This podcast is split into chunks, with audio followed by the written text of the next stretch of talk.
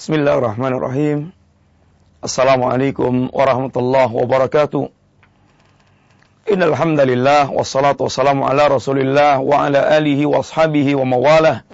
Wala haula wala quwata illa billah amma ba'd.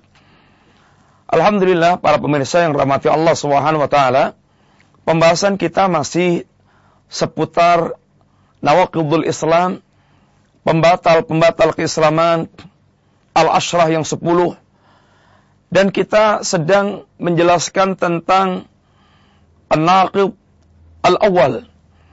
Naqib pembatal Islam yang pertama. Pembatal Islam yang pertama yaitu asyirku fi ibadatillah.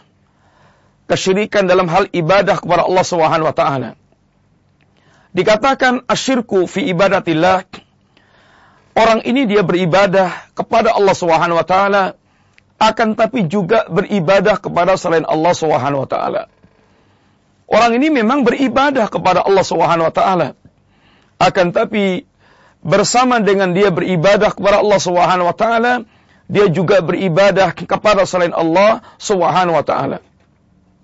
Para pemirsa, telah kita jelaskan bahwasanya dalam asyirku perbuatan syirik yang merupakan pembatal Islam ini sesungguhnya meliputi asyirku fil rububiyah, asyirku fil asma'i was sifat, dan ini telah kita berikan contoh sekilas pembahasan tersebut.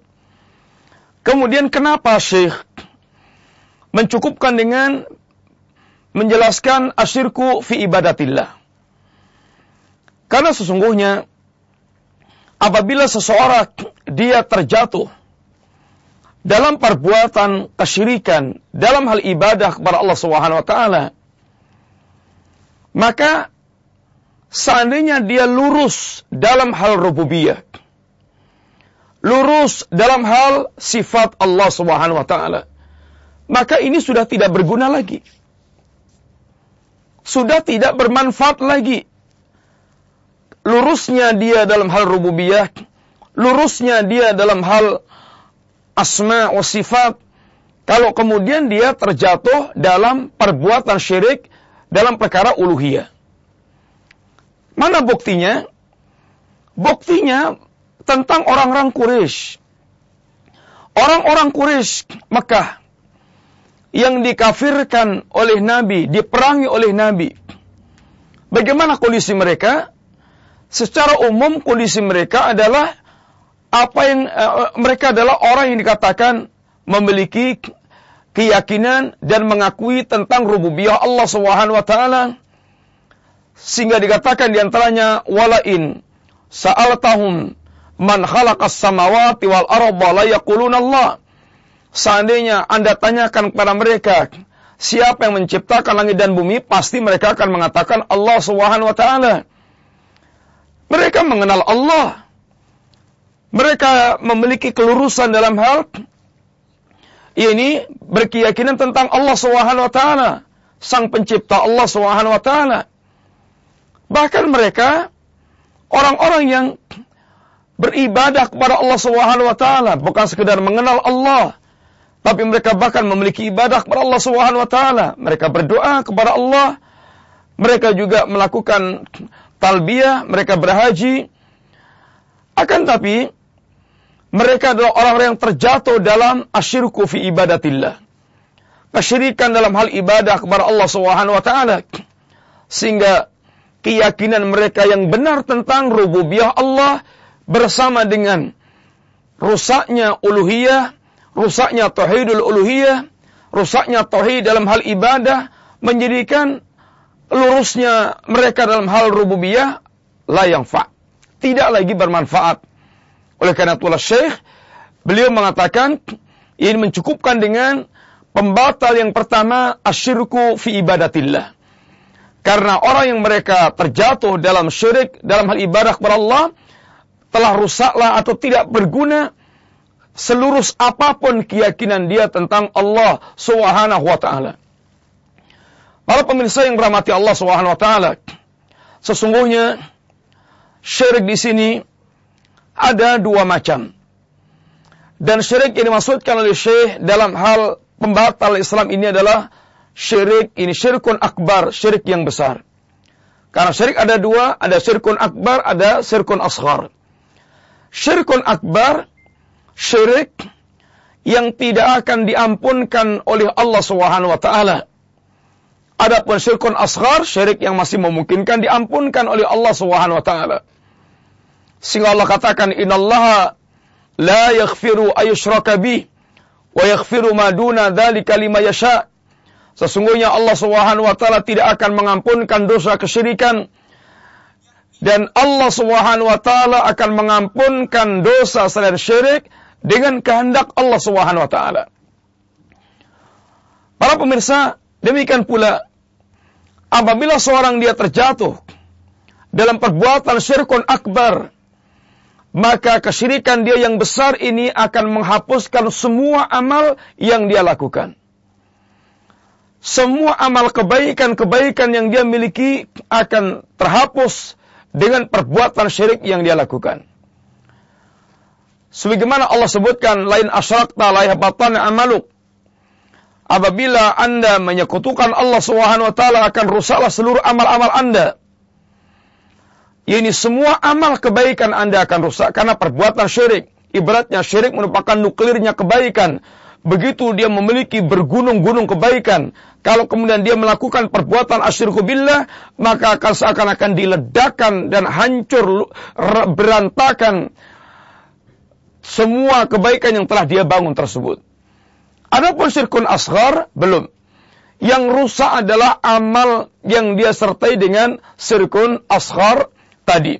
Adapun amal yang lainnya dia tidak merusak, atau tidak rusak dengan perbuatan sirkun asghar yang dia lakukan.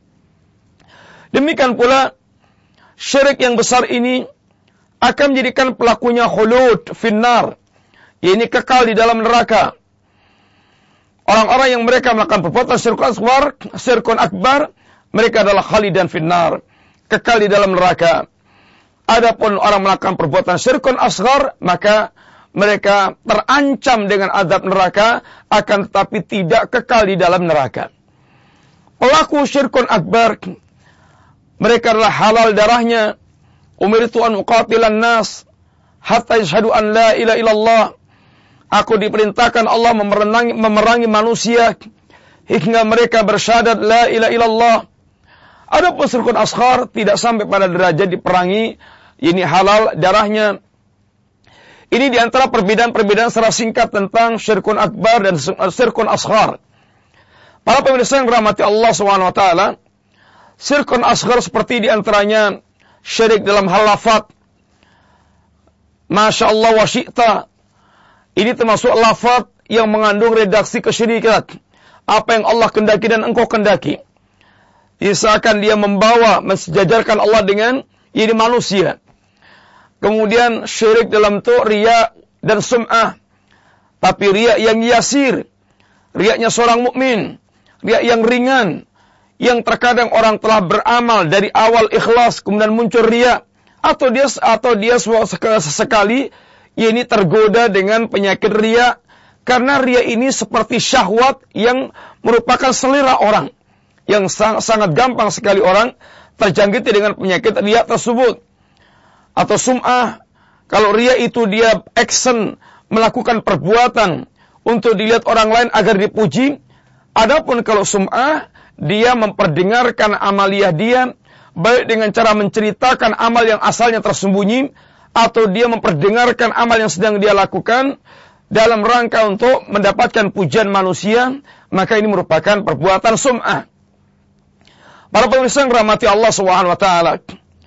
Perbuatan syirik ini syirkun akbar, perbuatan yang sangat membahayakan bagi agama seseorang yang para ulama di antara menyebutkan perbuatan syirkun akbar di sana ada syirkun doa syirik dalam hal dia berdoa kepada selain Allah Subhanahu wa taala. Di antaranya sebagaimana berdoa kepada kubur alul kubur ini orang-orang kuburi yang mereka suka datang ke kuburan dan meminta kepada alul kubur. Ini merupakan di antara syirkut doa dan ini sebagaimana perbuatan orang musyrikin di zaman Rasulullah sallallahu alaihi wasallam yang kesyirikan mereka adalah ini meminta kepada selain Allah Subhanahu wa taala dan menjadikan arwah orang-orang yang mereka anggap suci sebagai perantara untuk mendekatkan diri kepada Allah Subhanahu wa taala. Dan sirkut doa inilah yang sangat banyak sebagian kaum muslimin terjerumus ke dalamnya tanpa dia sadar itu merupakan perbuatan asyirku billah. Sekarang ini, seandainya orang-orang yang mereka datang kepada kuburan para wali, yang mereka anggap wali dan suci di sisi Allah Subhanahu wa taala, kalau kita ingatkan kepada mereka tentang perbuatan ini sesuatu yang tidak diperbolehkan merupakan atau langsung kita ingatkan ini perbuatan syirik, dia akan bantah keras. Bantahan yang pertama, bahwasanya yang dia minta adalah Allah Subhanahu wa taala. Dia adalah yang dia tuju adalah Allah Subhanahu wa taala. Dia menyembah Allah Subhanahu wa taala bukan menyembah kepada alul kubur. Adapun dia datang ke kuburan ini karena orang inilah orang memiliki kesucian di sisi Allah Subhanahu wa taala. Dia memiliki kedudukan di sisi Allah Subhanahu wa taala. Dan dia merasa orang yang berlepotan dengan dosa dan kemaksiatan, kesalahan. Sehingga dia orang yang kotor. Maka dia datang melalui kuburannya orang-orang saleh ini. Berharap mudah-mudahan akan mengangkat hajat-hajat dia kepada Allah, mendekatkan diri dia kepada Allah Subhanahu wa taala. Sebagaimana dia kiaskan ketika seorang mau menghadap pemimpin besar, maka dia melalui orang-orang dekatnya para pemimpin tersebut sehingga bisa diantarkan untuk sampai kepada apa yang dia tuju. Para pemirsa yang dirahmati Allah Subhanahu wa taala, ini yang banyak terjadi. Seandainya ini yang mereka lakukan ke kuburan itu sesungguhnya persis sama dengan perbuatan musyrikin di zaman Rasulullah sallallahu alaihi wasallam. Lihatlah apa yang dikatakan Allah tentang perbuatan orang musyrikin yang mereka dikatakan kafir musyrik oleh Allah Subhanahu wa taala. Allah katakan di antaranya walladzina takhadhu min dunihi awliya'a ma na'buduhum illa liyuqarribuna ila Allah zulfa. Orang-orang yang mereka menjadikan selain Allah sebagai wali-wali sesembahan mereka. Yang mereka yakini tentang penyembahan mereka apa? Mana buduhum illa liyuqarribuna ilallah zulfak. Tidaklah kami melakukan berbagai macam ibadahan kepada orang-orang ini, kepada wali-wali ini, kepada orang suci ini kecuali sekedar untuk mengantarkan kami kepada Allah sedekat-dekatnya. Mereka tidak menjadikan arwah-arwah orang suci ini sebagai puncak tujuan. Puncak tujuan mereka Allah Subhanahu wa taala. Akan tapi ini sebagai perantara yang akan mengantarkan kepada Allah Subhanahu wa taala. Di ayat yang lainnya Allah katakan, walladzina yabuduna min duni min dunillahi dan orang-orang yang mereka menyembah selain Allah Subhanahu wa taala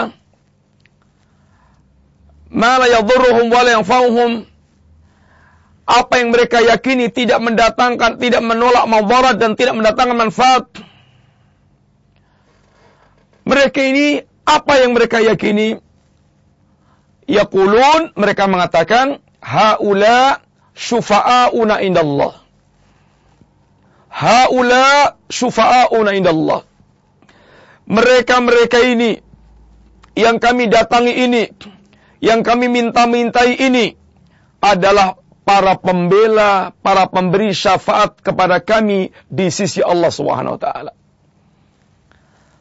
Sehingga mereka datangi, mereka minta, mereka bertawakal kepadanya, itu karena mereka yakini yang dia datang itu adalah menjadi syafi, syufa'a yang akan memberikan syafaat di sisi Allah Subhanahu wa taala.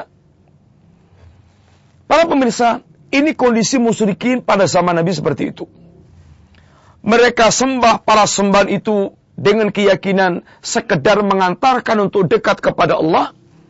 Dan mereka sembah para sembahan itu dengan keyakinan mereka lah yang akan memberikan pembelaan di sisi Allah taala, maka kalau kita lihat perbuatan mereka ini, per, per, kalau kita bandingkan perbuatan musyrikin dengan perbuatan sebagian kaum muslimin yang mendatangi kuburan-kuburan para wali, kemudian mereka mengajukan berbagai macam permintaan, hatinya mereka tawakalkan, mereka sandarkan kepada para wali, maka sungguh ini merupakan perbuatan yang persis sama dengan perbuatan musyrikin di zaman Rasulullah Sallallahu Alaihi Wasallam.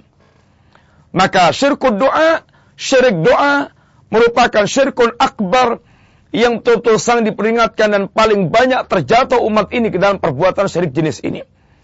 Yang kedua di antaranya para mengatakan di sana ada ini syirkun niyah, syirik dalam hal niat di mana mereka menjadikan niatnya, tujuannya, keinginannya adalah selain Allah Subhanahu wa taala.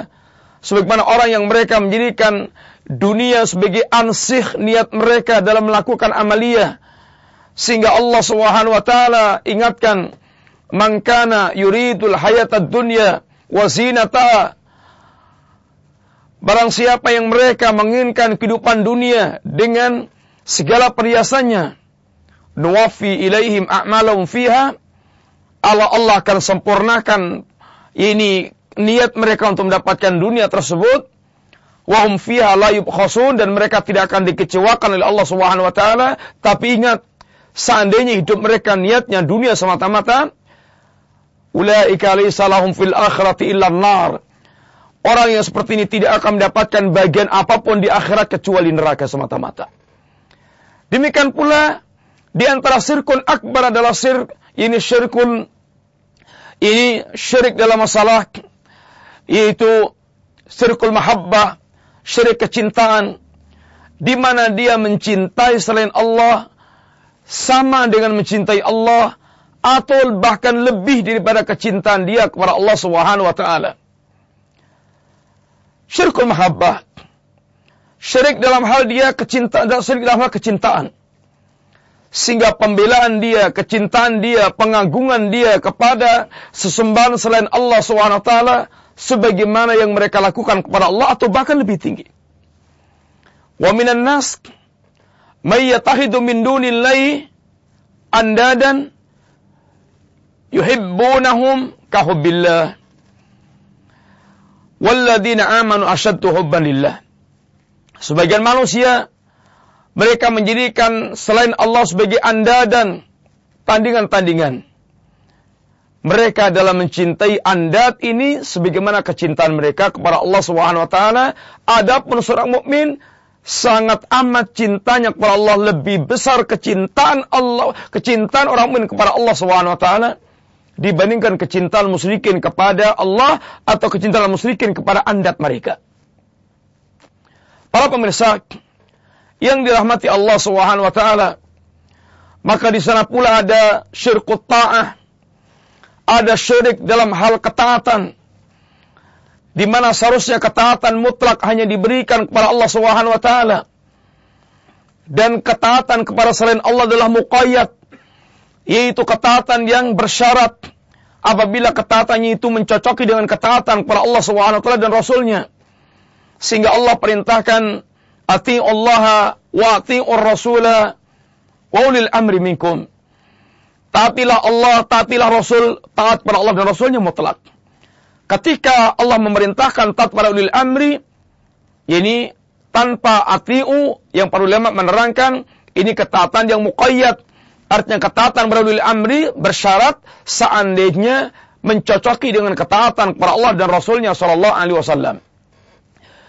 Sehingga Rasulullah pun katakan, La ta'ata li makhlukin fi maksiatil khalik. Tidak ada ketaatan kepada makhluk dalam hal maksiat kepada Al-Khalik. Sehingga ketaatan kepada Allah mutlak ketaatan kepada Rasulullah SAW mutlak dan ketaatan kepada selainnya adalah muqayyad. Akan tapi ada orang-orang yang mereka meletakkan ketaatan mutlak kepada makhluk seperti di antaranya perbuatan orang Yahudi dan Nasrani yang mereka menghalalkan mengikuti pendeta mereka dan ulama mereka dalam hal menghalalkan yang Allah haramkan dan mengharamkan apa Allah halalkan. Ittakhadhu ahbarahum wa ruhbanahum arbaba min dunillah mereka telah menjadikan para ahbar, para cendikiawan mereka, waruhban dan para penita mereka, arbab minunillah sebagai rob-rob selain Allah Subhanahu wa taala. Ya ini dalam hal apa mereka dianggap telah menjadikan ahbad dan ruban menjadi sembahan selain Allah dalam hal menghalalkan yang mengharam menghalalkan apa yang Allah haramkan dan mengharamkan apa yang dihalalkan oleh Allah Subhanahu wa taala. Para pemirsa yang dirahmati Allah Subhanahu wa taala, maka berhati-hatilah kita di perbuatan kesyirikan. Insya Allah nanti satu saat kita menerangkan secara khusus tentang asyirku billah. Akan tapi inilah di antara penjelasan global tentang hendaknya setiap kita memiliki kehati-hatian dari terjerumus dalam perbuatan asyirku billah, asyirku fi ibadatillah, karena ini merupakan bagian pembatal keislaman yang harus betul-betul kita hindari dan barang siapa yang dia merasa dirinya takut terjatuh dalam perbuatan syirik maka yang pertama kali harus dia lakukan adalah mempelajari dan mengetahui benar hakikat perbuatan syirik sehingga jangan sampai dia tidak memahaminya kemudian dia terjerumus dalam keadaan dia tidak mengetahui kalau itu merupakan perbuatan asyirku billah sebagaimana yang terjadi pada sebagian besar ini kaum muslimin. Sehingga mudah-mudahan Allah Subhanahu wa taala menjaga kita semuanya dari terjerumus dalam perbuatan yang akan merusak agama kita apalagi akan membatalkan total agama kita. Mudah-mudahan Allah menjaga kita semuanya, memberkahi ilmu kita, memberkahi umur kita, dan menjadikan kita terjaga dengan nikmat iman dan istiqamah, dan kita kembali kepada Allah dalam keadaan khusnul khatimah, dan kita cukup sekian dulu, mudah-mudahan manfaat. Wassallallahu ala nabiyina Muhammadin wa ala alihi wa sahbihi wasallam. Assalamualaikum warahmatullahi wabarakatuh.